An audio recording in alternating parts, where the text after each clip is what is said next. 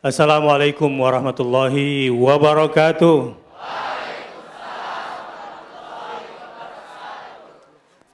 Apa kabar semuanya? Sudah makan malam? Jangan pernah karena malam tidak bisa dimakan. Alhamdulillah. Alhamdulillahil karimir rahman, allamal quran, khalaqal insan, allamahul bayan. Asyhadu an la ilaha illallah wa asyhadu anna muhammadar rasulullah. Allahumma fasalli wa sallim wa barik ala nabiyyina wa habibina wa syafi'ina wa qaidina wa maulana Muhammadin sallallahu alaihi wasallam wa ala alihi wa sahbihi wasallim. Para tokoh, para asatid, para ulama, wabil khusus dari DKM Masjid Kauman yang saya banggakan dan khususnya panitia Muslim United yang keren. Terima kasih atas kerja-kerja kalian. Mudah-mudahan memperbarat timbangan badan atau timbangan amal ya. Memperberat timbangan amal kalian di akhirat kelak.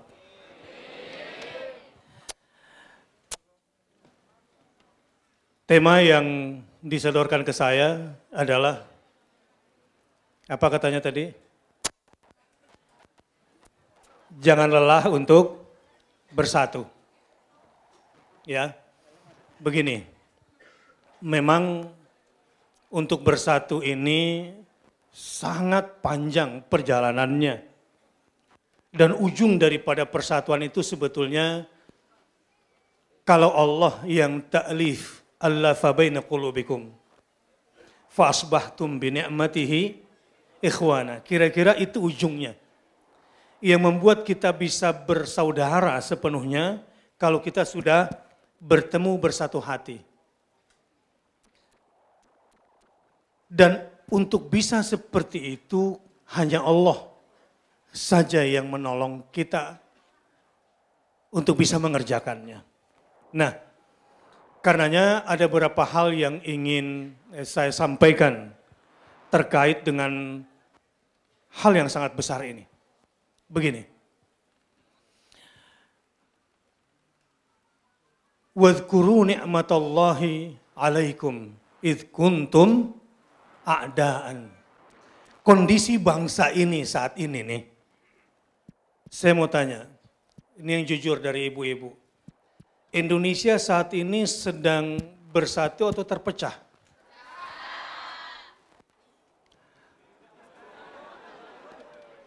Ibu-ibu bilang terpecah gitu. Sejujurnya ini nih yang mujahid-mujahid milenial ini, yang keren-keren ini. Anda melihat kondisi bangsa yang saat ini, bahagia atau resah sebetulnya? Kayak judul lagu. Asal jangan rapuh lah ya. Baik. Ya.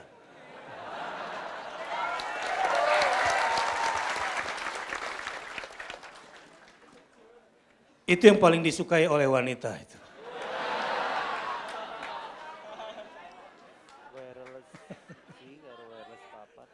Baik. Kalau yang disukai pria dari wanita, mau tahu? Yang paling disukai oleh pria dari wanita sebetulnya adalah ketaatannya. Betul nggak? Kuat. Tapi Anda tahu nggak yang paling tidak disukai oleh perempuan dari laki-laki? Kita cek ya betul apa enggak. Egois. Betul? Egois. Ibu mau tahu yang paling tidak disukai oleh laki-laki dari perempuan? Cerewet. Padahal ini soal salah faham sebetulnya. Tidak ada perempuan yang cerewet, wahai laki-laki. Yang ada adalah karena kecerdasan verbal mereka tiga kali lipat ketimbang laki-laki.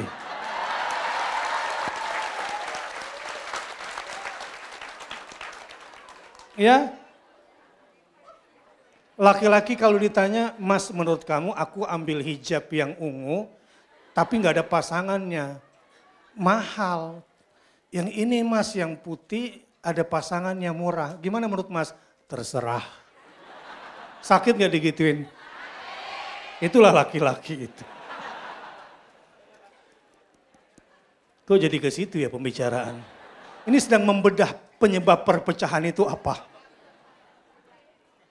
Termasuk sedang membedah penyebab keresahan itu apa? Kamu tahu yang paling tidak disukai perempuan, eh di, tidak disukai laki-laki dari perempuan selain cerewet?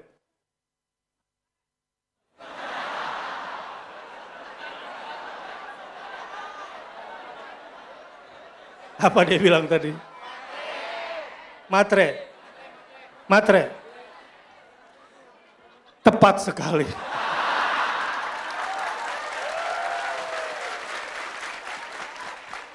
Tapi itu cuma prasangkamu.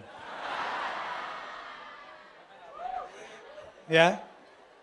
Itu prasangka kamu karena kamu kurang penghasilan.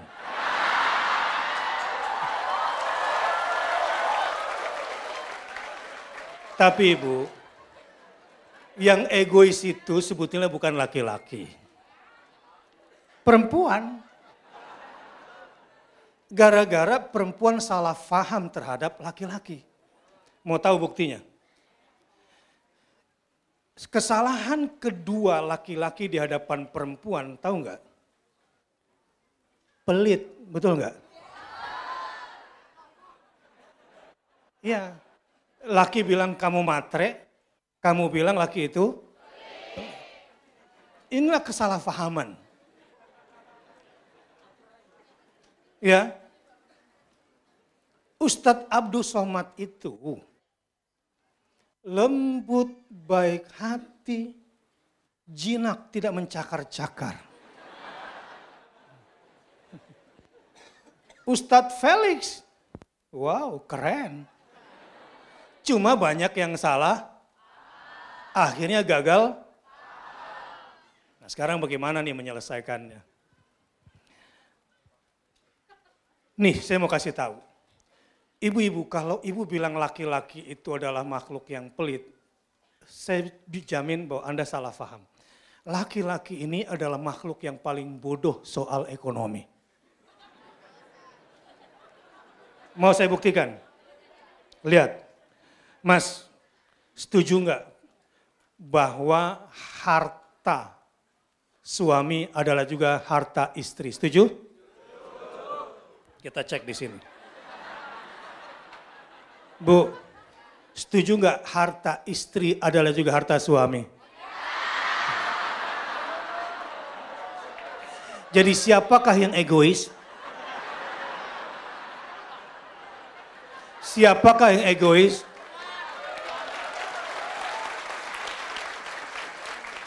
Satu sama ya?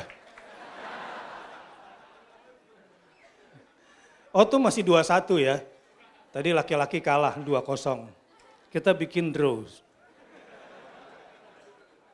Tadi tuduhannya laki-laki pelit kan? Bu, ini bodohnya laki-laki. Hutang istri juga adalah hutang suami, setuju? Bodoh nggak? Banget bodohnya. Sekarang siapa yang pelit? Lihat, hutang suami adalah juga hutang istri. Tidak. Siapakah yang pelit? Tapi terimalah takdirmu wahai laki-laki. Karena pada akhirnya dia bilang, kenapa saya menghutang? Karena dia pelit. Ya gitu lagi. Sudah tahu diri sekarang ya. Begitu juga tentang bangsa ini. Jangan ragukan kesetiaan umat Islam terhadap negara kesatuan Republik Indonesia. belah dadanya Indonesia, belah bumi dan perut Indonesia, maka yang kau dapati adalah darah para syuhada untuk Indonesia. Cuma pada salah faham. Ustadz Bakhtiar Nasir radikal bebas kan gitu. Ini kesalahpahaman di negeri ini. Kalau ini terus dipelihara, lama-lama gagal, gagal faham. Oke. Untuk itu, bagaimana kita membangun persatuan dan tidak pernah boleh lelah untuk bersatu. Untuk bersatu memang melelahkan. Tetapi putus asa untuk bersatu dan mempersatukan ini dosa besar. Putus asa untuk bersatu dan putus asa untuk mempersatukan ini dosa besar. Sepakat? Ini landasan saya dalam menjalani hidup ini. Tadi saya bilang di Universitas Ahmad Dahlan, para pemuda, kalian harus menjadi pengusaha. Dan kalau kita bicara tentang sejarah, maka pemuda yang sukses dalam bisnis agro, menguasai lahan-lahan perkebunan pertanian, mereka lah yang akan menjadi pembangun peradaban. Siap menjadi pengusaha? Siap bisnis? Siap merebut lahan-lahan perkebunan dan pertanian? Takbir penjajah masuk di negeri-negeri itu lewat bisnis properti. Masuk dan kuasai bisnis properti. Jangan cuma bisa mengeluh bahwa 70% tanah ini diambil oleh asing karena kamu tidak berbisnis properti. Nggak punya duit? Kesian deh lo. Sekarang saya mau kasih modalnya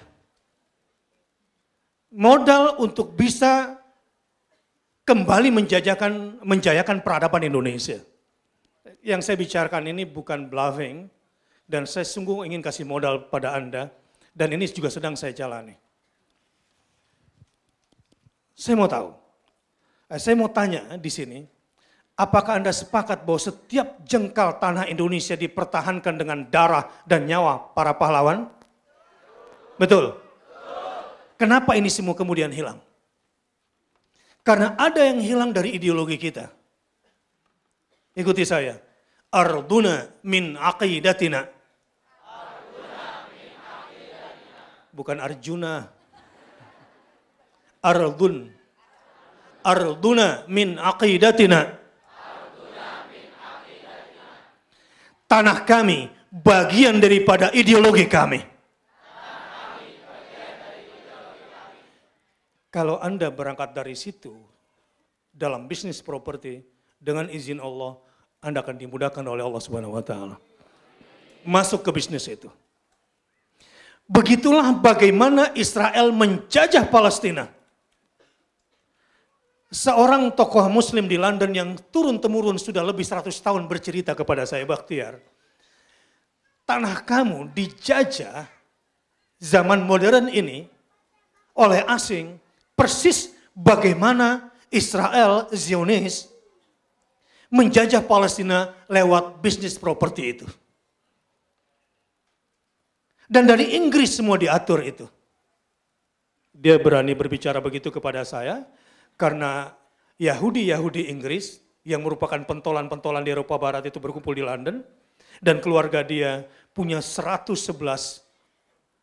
properti di London bercerita kepada saya dan dia menjelaskan, membeberkan kepada saya soal ini. Begini langkah mereka. Nah sekarang saya mau tarik dulu. Karena judulnya bukan bisnis ya. Judulnya adalah bagaimana bersatu. Tetapi kenapa kita terpecah belah? Di antaranya adalah karena lahan-lahan teritorial kita sendiri di pecah belah. Dan begitu cara penjajah memecah belah kita ini. Nah kalau sekarang mereka masuk ke ranah budaya tetapi dihidupkan kembali untuk membuat sekat-sekat baru atas nama adat dan budaya. yang seharusnya adat dan budaya ini menjadi modal sosial kita untuk bersatu di tengah keragaman, tapi sekarang aneh. Saya mau tanya, berapa umur Indonesia sekarang? 73. Untuk sebuah negara, insya Allah ini adalah usia yang cukup dewasa. Tapi hari gini masih ngomongin NKRI. Hari gini masih ngomongin Pancasila. Telat nggak? Telat. Usia Indonesia yang 73 tahun ini harusnya kita jadikan sebagai batu loncatan untuk menjadi negara yang maju peradabannya dengan kedamaian Islam yang dibawanya dan kalau perlu memimpin dunia. Dan yakinlah insya Allah Indonesia mampu memimpin dunia dengan Islam yang damai yang dibawanya. Sekarang untuk mudahnya bagaimana kita bisa bersatu dan langsung dalam bentuk praktik. Pertama, kalau kita ingin bersatu, tidak ada cara kecuali memohon pertolongan Allah Subhanahu wa taala. Misalnya ini rumah tangga yang sedang terpecah. Ya, yang galau. Coba mulai hari ini buat visi rumah tangga yang baru agar rumah tanggamu menjadi rumah tangga surgawi. Pikirkan hal-hal besar di rumah, lupakan dulu hal-hal yang remeh-temeh. Supaya kita bisa bersatu, supaya kita mendapatkan pertolongan Allah Subhanahu wa taala. Begini caranya. Apa ayatnya supaya kita tidak membangun neraka di rumah? Ku anfusakum wahlikum nara peliharalah dirimu dan keluargamu dari siksa api. Peliharalah Indonesiamu. Gitu ya. Dengan menjaga dirimu dan menjaga bangsamu, kira-kira dalam bentuk yang lebih besar dari siksa api neraka. Saya melihat fenomena bencana alam saat ini di Indonesia. Kalau merujuk pada peristiwa Aceh 2004, Akhirnya berdamailah antara GAM dan pemerintah. Tapi harus dengan menunggu tsunami, ya katakanlah itu sudah terjadi, tapi hikmahnya akhirnya kita bisa bersatu. Betul gak? Ini sekarang nih fenomenanya ada yang membuat dan memecah belah. Dibuat seakan-akan umat Islam ini anti NKRI dibuat seakan-akan ada tokoh-tokoh ulama ini adalah tokoh-tokoh intoleran. Ini pasti ada pihak ketiga yang hendak memecah belah kita. Mestinya PKI ini pelakunya ini. Mestinya kaum liberal ini tidak menginginkan Indonesia bersatu. Betul? Untuk itu, kita jangan mau dipecah belah. Kita berpikir ke depan bagaimana caranya mendatangkan pertolongan Allah dengan cara melupakan hal-hal kecil, berpikir yang besar. Tadi saya katakan misalnya untuk rumah tangga. Saya mau kasih resep. Siapa saja yang rumah tangganya sekarang sedang dalam posisi yang sangat rawan, merujuk kepada surat At-Tahrim tadi, begini aja prinsipnya. Bangun tiga hal di rumahmu Insya Allah kamu akan bahagia kembali dan romantis kembali, kembali rumah tangganya. Mau? Satu, bangun surga di rumah. Dua, bangun rumah di surga. Tiga, berjuang masuk surga sekeluarga. Ulangi, satu, bangun surga di rumah. Dua, bangun rumah di surga. Tiga, berjuang masuk surga.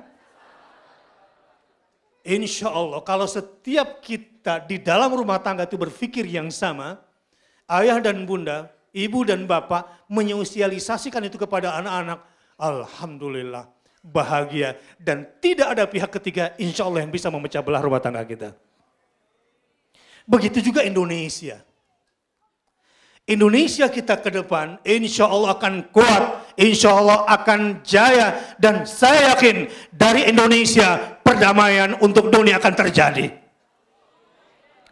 Eh, saya ngomong gini karena mungkin spektrum saya beda dengan yang baca WA pagi-pagi, sholat subuhnya telat, belum zikir pagi, buka WA, besok Indonesia kiamat. Gitu. Itu biasanya tuh yang suka dibaca oleh mereka-mereka yang tidak punya visi hidup ke depan dalam membangun bangsa ini. Saya kalau dapat kayak begitu ignore, ini nggak penting. Makanya ketika saya ditanya sama wartawan, apa pendapat Ustadz tentang Ratna Sarumpait? Pret. Nggak sempet saya mikirin Ratna Sarumpait. Apalagi komen. Karena ada yang lebih besar untuk saya perhatikan. Kurang keraskah gempa di Lombok, kurang keraskah teriakan yang ada di Palu, sehingga isu-isu kecil begitu yang kalian konsumsi? Menyedihkan. Menyedihkan sekali. Bagi saya, semua isu di negeri ini adalah sesuatu yang bisa melalaikan saya untuk melihat teguran Allah yang sudah mengorbankan ribuan nyawa itu. Dan menguras triliunan harta bangsa ini. Kok masih sempet-sempet ngurusin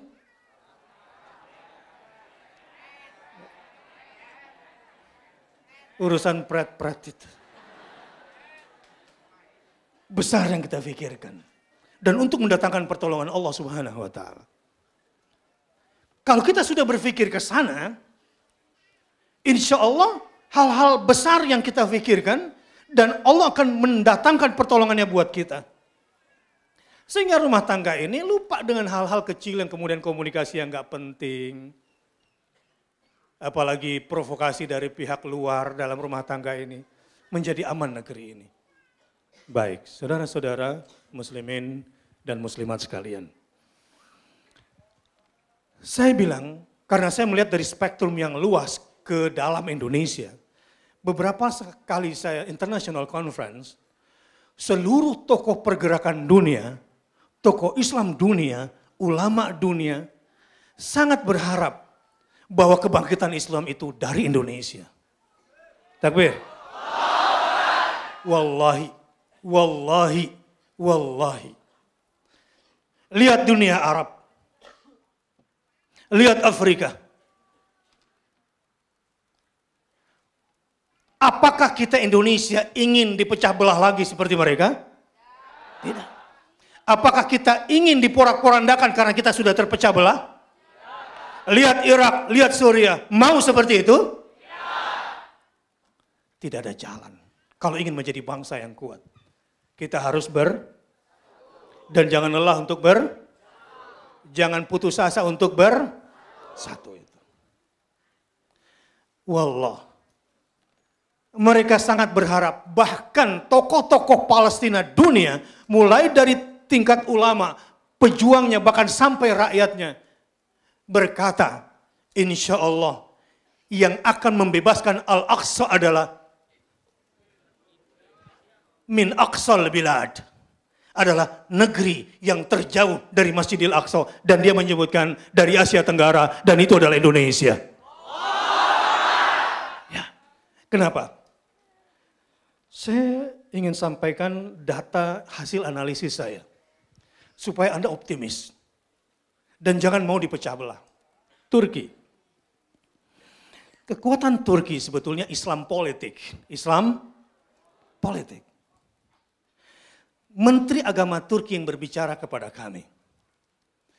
Islam di Turki itu adalah Islam politik.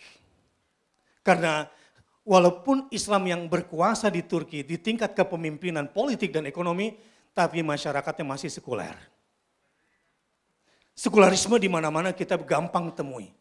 Itulah daripada Islam politik. Nah sekarang saya melihat hampir seluruh energi dakwah ini tertarik untuk sebuah politik.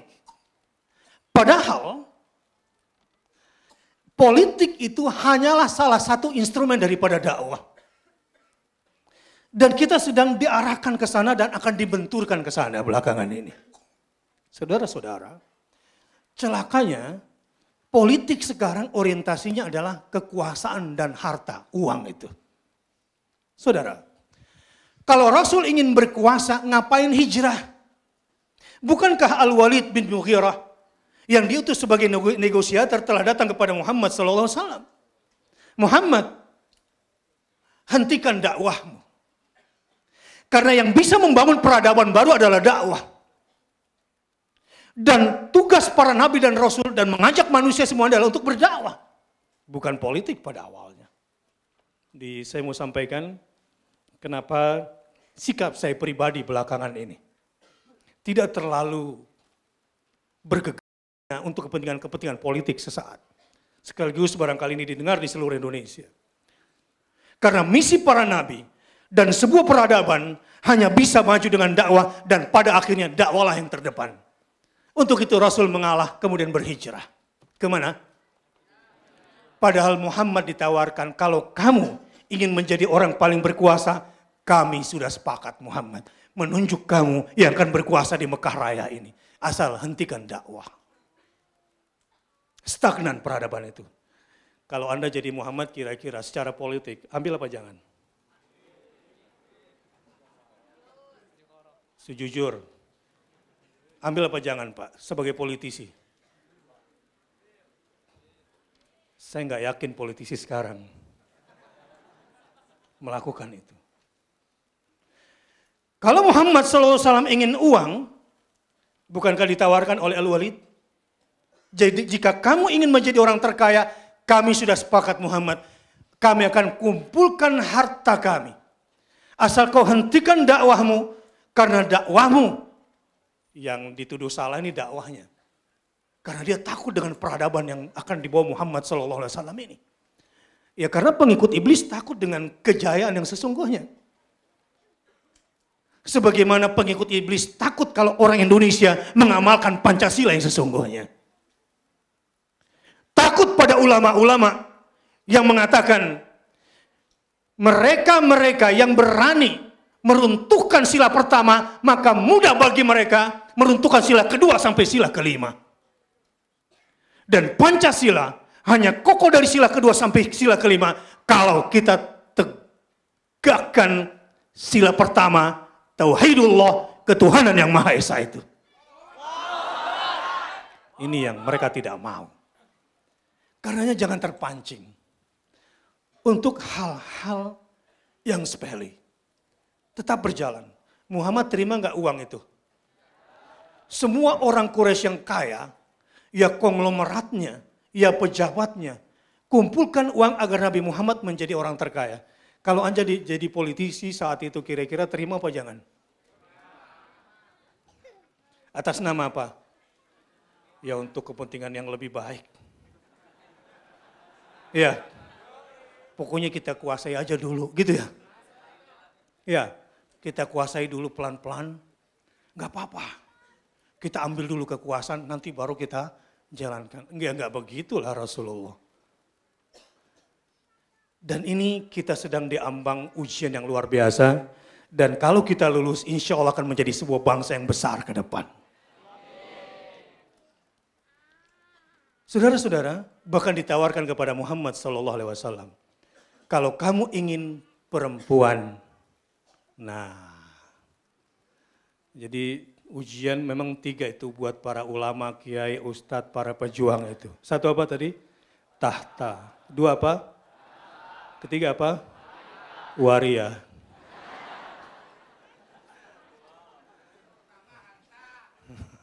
ya situ harta, yang lain lagi udah udah udah eksis hartanya wanita ujiannya. Semua dilakukan. Tapi Rasulullah menolak. Apa yang dilakukan oleh Rasulullah SAW? Mempersatukan umat dulu di Madinah. Membangun kekuatan dalam hijrah. Tapi la hijrah ba'dal fatah. Untuk orang Indonesia nggak perlu hijrah. Jadi Ustaz kita hijrah ke mana dulu nih? Ya nggak gitu juga kali. Udah nggak ada lagi hijrah. Illal illal niyah wal jihad. Sekarang kalau umat Islam ini mau kuat, mau menang, saran saya jangan terlalu berorientasi kepada politik praktis dulu. Perkuat dulu dakwah. Makanya Ustadz Fatur, Majelis Tablik, tetap. Tapi kalau ditawarkan jadi jurkamnas supaya bisa jadi menteri gimana? Ambil apa jangan? Tidak. Ah, ini normal ini berarti. Saya suka dengan Ustadz Abdul Somad yang memilih untuk tidak usah menjadi calon wakil presiden. Takbir. Biarlah nanti ada yang kita tugaskan untuk itu dan memang bidangnya. Bukan berarti jangan berpolitik. Imam Syafi'i berpendapat bahwa ilmu atau disiplin ilmu politik Islam itu ijtihadi sifatnya. Iya, awalnya tidak ada disiplin ilmu politik Islam itu baru belakangan. Tapi ketika sudah masuk soal memilih pemimpin, di sini syariat Islam masuk. Dan di situ barangkali disebut dengan politik Islam. Bagaimana menata kelola publik, di sinilah kemudian syariat masuk. Mungkin itu yang disebut dengan ilmu politik Islam. Ini mulai dicerdasin dulu ini otaknya. Lanjut? Masih semangat? Baik. Ibu-ibu, apakah suami-suami pelit? Bagus, sudah normal sudah. Apakah suami-suami egois? Masih iya ya. Apakah perempuan cerewet? Udah tobat laki-laki bagus. Udah berubah.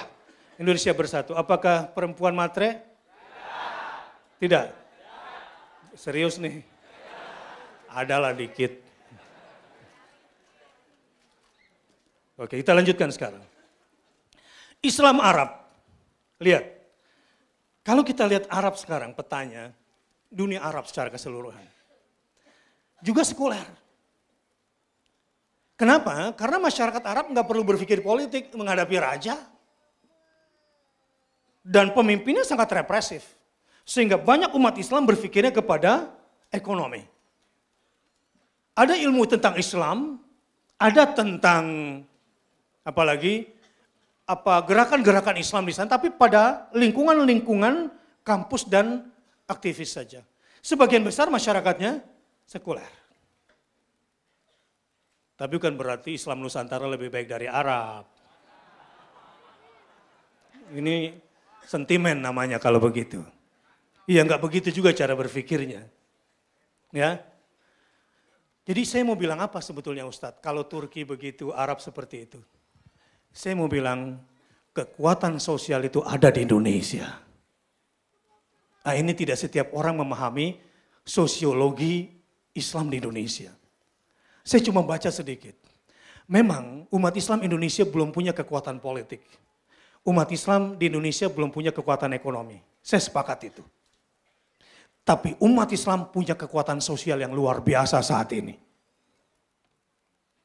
Giroh mereka terhadap Islam keseriusan mereka untuk kembali mereka untuk kembali kepada Al-Qur'an dan berpegang pada nilai-nilai agama ini yang dikhawatirkan sebelum sebetulnya. Sehingga ada yang punya kepentingan untuk memecah belah kita semua. Ini tinggal selangkah lagi. Seandainya kekuatan sosial ini kemudian digerakkan ke politik, goncang dunia ini. Seandainya umat ini digerakkan lagi kepada kekuatan sosial ekonomi, dan politik ekonomi berjalan, ekonomi politik berjalan, di atas bingkai dakwah, selesai urusan umat Islam. Pegang Indonesia. Tapi mesti sabar. Ini eranya kita lagi diadu domba. Adu domba. Adu domba gitu. Dombanya mau nggak diadu?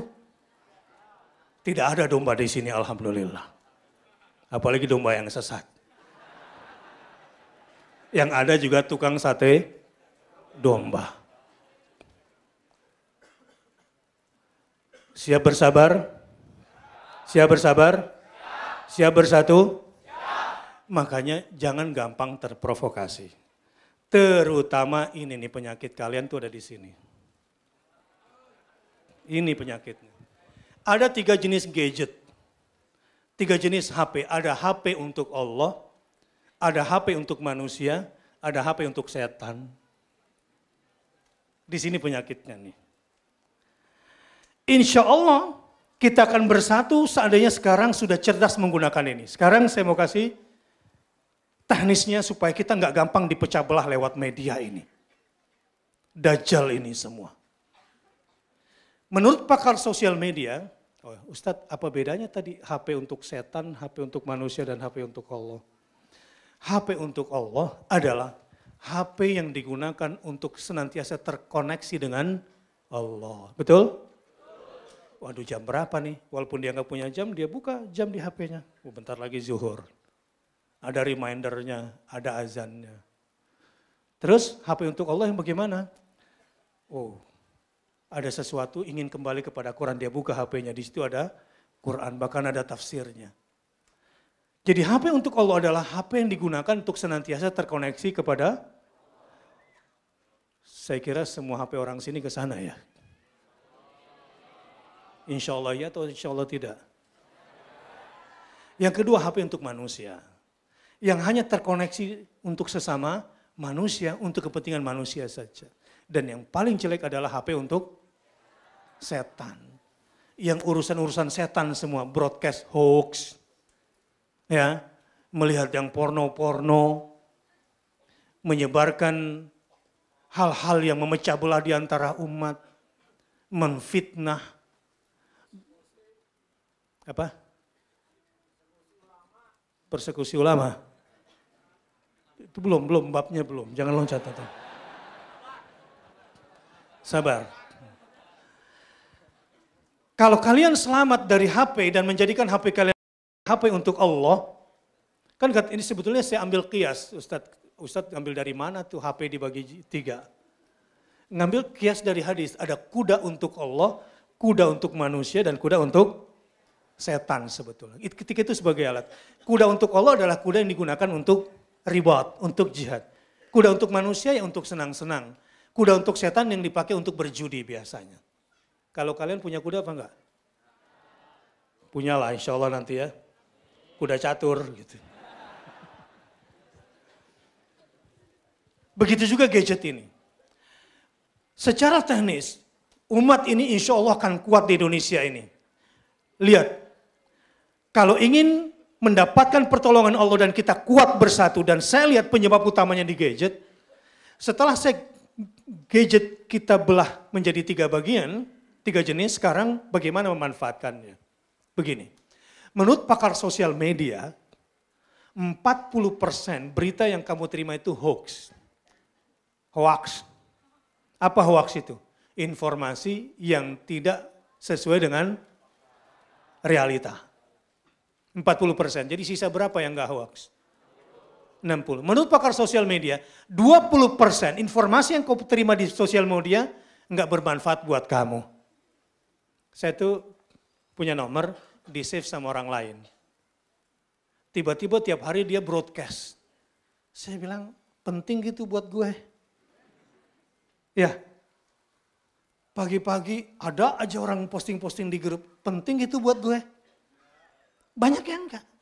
Enggak penting 20 persennya buat saya. Jadi sisa berapa? 40. 20 persennya enggak penting buat agama kita. Enggak penting buat agama saya. Dan musibah terbesar bagi saya adalah musibah dalam beragama. Wala taj'al musibatana fi dinina. Yang harus saya jaga adalah agar saya terhindar dari musibah dalam urusan agama. Akidah saya, ibadah saya, syariat saya. Ini musibah. Kalau sampai ketawa senyum-senyum malam-malam dan itu bukan Quran, bukan ilmu, ini sudah jadi musibah. HP-nya ini. Jadi sisa berapa tuh? 20. Yang 20 insya Allah untuk Allah, tapi itu yang gak kebaca. Berapa yang tersisa? Jadi banyak yang tidak cerdas. Di sinilah kemudian setan masuk ke setiap rumah yang orang tua nggak bisa kontrol dan umat juga nggak terkontrol dan para ulama tidak terkontrol lagi. Siap menggunakan gadget dengan benar? Siap, menjadikan gadgetnya untuk Allah? Takbir. Allah. Ini teknis nih. Jadi saya sangat teknis sekali membawa ini sebab saya coba lihat apa sebetulnya menjadi penyebab ini semua? Nah kemudian ke depan. Ya di tengah perbedaan di antara umat ini. Kata kuncinya kalau ingin bersatu. Satu kata kunci saja. Kalau kita ingin kuat bersatu dan mempersatukan. Sesakit apa pun hati ini. Sedalam apa pun luka ini. Jadi sesakit apa pun yang penting salamatus sadar. Kalau kita ingin senantiasa terjaga persatuan kita, setelah kita berpikir positif tentang saudara, memaafkan apa yang menjadi kesalahan-kesalahan dia. Yang maksum cuma Rasulullah Sallallahu Alaihi Wasallam. Yang melakukan kesalahan bukan cuma dia, saya pun melakukan hal yang sama. Maka satu langkah lagi kalau kita ingin selamat dan senantiasa kuat dalam bersatu. Salamatus sadar. Apa? Apa itu salamatus sadar? Wala taj'al fi qulubina ghillan lilladzina amanu. Ya Allah, jangan sampai ada ganjalan di dalam hatiku terhadap sesama orang-orang yang beriman. Dan kalau umat Islam ini mau bersatu dan kuat persatuannya dengan izin Allah Subhanahu wa taala, Jangan pernah berdoa untuk diri sendiri sebelum meminta memintakan ampun atas dosa muslimin dan muslimat. Allahumma gfir lil muslimina wal mu'minina al ahya minhum. Ini yang membuat kita bisa bersatu. Tapi kalau sudah saling damprat, saling sandra, saling cari kekurangan, saling mengorek-ngorek kesalahan, seperti yang terjadi sekarang dalam politik, saling sandra. Ada lagi pejabat negeri, pejabat negeri ini yang kerjanya cuma ngorek-ngorek kesalahan orang lain. Ada lagi pejabat di negeri ini yang cari dosa-dosa orang lain. Dia yang harusnya menjadi teladan, tapi dia menjadi pelaku persekusi. Bagaimana Indonesia akan maju kalau begini caranya? Hentikan politik sandra, hentikan mencari dosa-dosa orang lain. Mari berpikir untuk Indonesia ke depan secara positif. Bahwa perbedaan adalah sebuah keniscayaan. Dan yang penting, sesama muslim, sesama anak bangsa, kita harus saling jaga dan kita harus bersatu ke depan. Takbir. Siap? Tapi biasanya Anda siap begitu kalau yang penting dia dulu. Ah, itu juga masalah. Oke, saya mau damai, tapi dia dulu ya. Begitu nggak biasanya? Nggak akan bisa. Kita dulu yang memulainya. Suami dengan istri, kakak dengan adik, sahabat dengan sahabat, antar organisasi, antar lembaga. Kalau kita mau bersatu, kita dulu yang menjadi motor penggerak energi positif itu. Kalau kita yang memulainya, percayalah. Apa orang bilang? Pepatah Arab mengatakan al-ihsanu yu'jizul insana. Apa? Al-ihsanu yu'jizul perbuatan baik itu melumpuhkan orang. Ngerti maksudnya?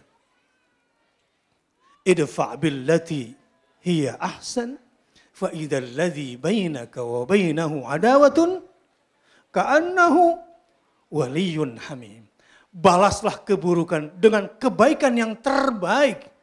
Maka yang awalnya kamu saling bermusuhan, tiba-tiba seakan-akan kamu adalah sahabat karibmu. Inilah barangkali yang bisa saya sampaikan. Dan insya Allah Muslim United seperti ini akan berkembang ke seluruh Indonesia. Dan kita akan tetap senantiasa menjaga persatuan kita. Enggak usah terlalu ribet-ribet, enggak usah terlalu gerasa gerusu. Kalau ini terus berjalan dan kita bersatu, umat Islam akan menang dan jaya di Indonesia. Wassalamualaikum warahmatullahi wabarakatuh.